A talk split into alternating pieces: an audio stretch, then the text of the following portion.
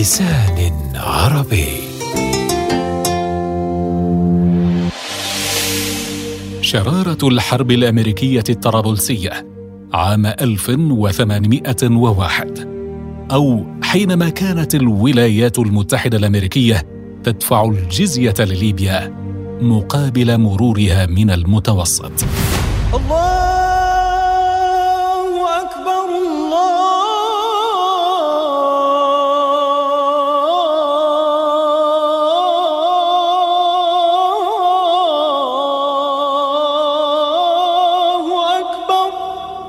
كانت أصوات المساجد المتقاربة تغمر سماء المدينة بآيات من القرآن الكريم تتلى منذ انبلاج الشمس حتى المساء حتى ملأت أزقتها أصوات الطبول تقرع محدثه صدى شديدا فيما كانت حناجر المنادين تدعو الأهالي للجهاد ضد الصليبيين.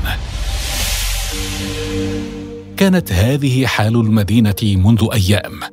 الجو مشحون وقد بدا وكأن المدينة كلها تستعد لحرب طاحنة لم يسبق لهم بها مثيل غير أحاديث الأجداد عن غزو الإسبان الصليبيين أو عن فرسان الإسباتارية القادمين من مالطا. كانت الذاكرة الشعبية مليئة بقصص المآسي وبدماء خمسة آلاف مسلم أريقت بطرابلس حينئذ فيما لم تندمل بعد جراح كثيرة خلفها الطاعون الذي ذهب بأرواح الآلاف من سكان المدينة. لم يكن من حديث للأهالي ولا شاغل يشغلهم غير الاستعداد للحرب التي لا مفر منها الدفاع عن دار الإسلام ودحر الصليبيين وحماية المدينة وأهلها من القتل والنهب وما يسعون إليه. بدأت الأسواق تفقد روادها وأقفلت المحال أبوابها فيما شرع الأهالي في الاستعداد عبر تجهيز أسلحتهم التي لم تصدأ ابدا. كما بدأ جند الباشا ومن والاهم من الكولوغلية يعدون من تيسر له الانضمام إلى الجيش الذي دعا لتجهيزه.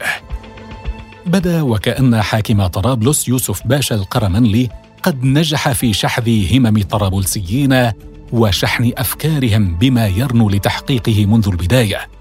كان أمره بإسقاط الراية الأمريكية المنتصبة أمام مقر قنصليتها بطرابلس والتي كانت مصدر فخر واعتزاز للأمة الأمريكية الناشئة حديثا بمثابة شرارة الحرب التي أراد يوسف باشا إيقادها.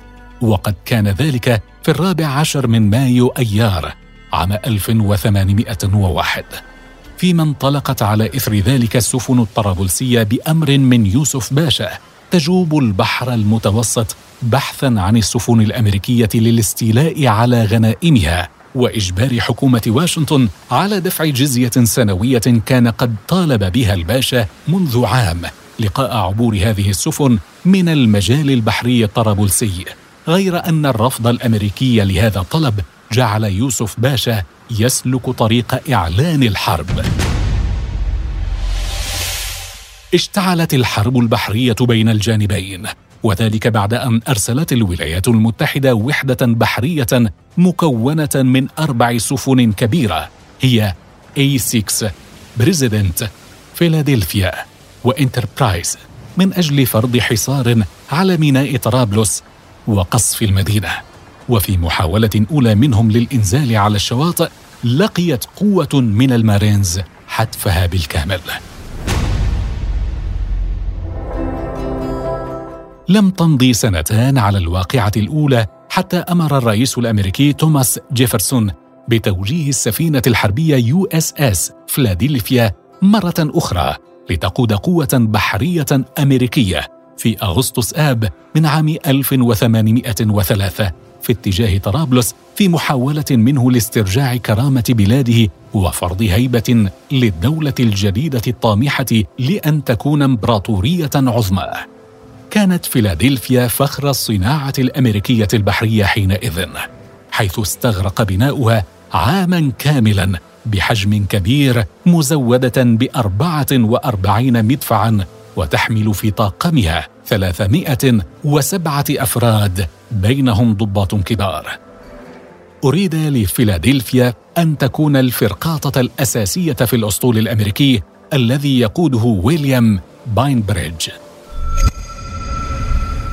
وصلت سفن الأسطول الأمريكي إلى المنطقة وبدأت عملياتها العسكرية بحصار ميناء مدينة درنا وقصف سواحلها كما صبت السفن الأمريكية حمم مدافعها. على السرايا الحمراء في طرابلس مقر حاكمها يوسف باشا. توجهت على الفور قوة بحرية صغيرة من طرابلس بقيادة الرايس زريق وبدأت في مناوشة الفرقاطة الضخمة إلى أن استدرجتها نحو مياه صخرية ضحلة مليئة بالشعب المرجانية. شلت حركة فيلادلفيا وباءت محاولات ويليام وضباطه لإنقاذ السفينة بالفشل التام.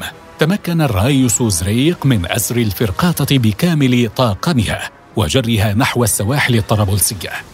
كان وقع ذلك قاسيا على الأمريكيين حيث سعوا بكل الوسائل إلى استعادة فيلادلفيا التي أطلق عليها يوسف باشا اسما جديدا هو هبة الله. إلا أن الأمريكيين حين تيقنوا من استحالة مهمة الاسترجاع دبروا عملية لحرقها بالكامل. لم تهدأ محاولات الأمريكيين بعد ذلك لاستعادة كرامتهم التي انتزعها منهم يوسف باشا حيث عملوا على حبك المؤامرات بالاتفاق مع شقيق الباشا المقيم في مصر أحمد القرمنلي وإنزال قوات من المارينز بمدينة درنا. باءت هي أيضا بالفشل بعد أن هزمهم الباشا يوسف مرة أخرى.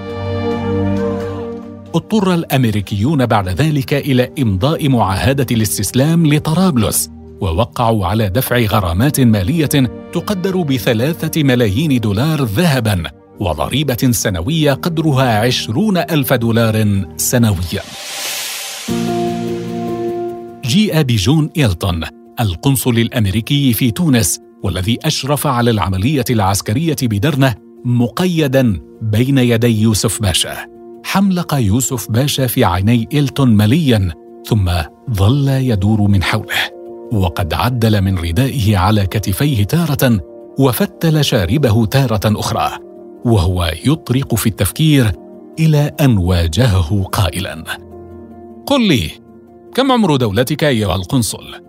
وماذا تفيدك إجابتي أيها الباشا وأنت تعلمها؟ لعلي أجد لها عذرا في تجرؤها علينا وهي تعلم من نحن وأن العالم كله يدفع لنا لقاء مروره بسواحلنا. بريطانيا ومعظم دول شمال أوروبا تدفع الجزية. الهولنديون يدفعون 600 جنيه. مملكة صقلية تدفع أربعة آلاف جنيه. مملكة سردينيا تدفع ستة آلاف جنيه. فرنسا ترسل بهدايا ثمينة للسلطان المعظم عند تغيير قناصلها. وتقدم البرتغال وإسبانيا هدايا أيضا. هانوفر وبيرن تدفع 600 جنيه إنجليزي قبل عام واحد من انفصالكم وتأسيس دولتكم كانت بريطانيا تدفع الجزية نيابة عنكم أتساءل ما الذي طرأ وجعلكم تغيرون رأيكم؟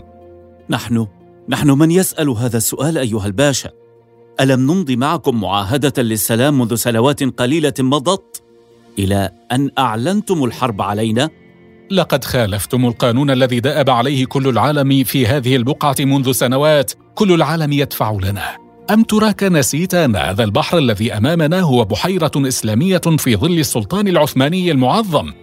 لا لم ننس ذلك. ولكننا أمضينا معاهدة بدفع الجزية للسلطان قبل ذلك. وقد قدمنا آلات ومهمات حربية قيمتها أربعة آلاف جنيه. بالإضافة إلى عشرة آلاف جنيه أخرى نقدا. مصحوبة بهدايا قيمة. ثم ثم اضطررنا لإمضاء مثلها مع والي الجزائر وها نحن نضطر اليوم لإمضائها معكم مرة أخرى. ولكنكم أخلفتم.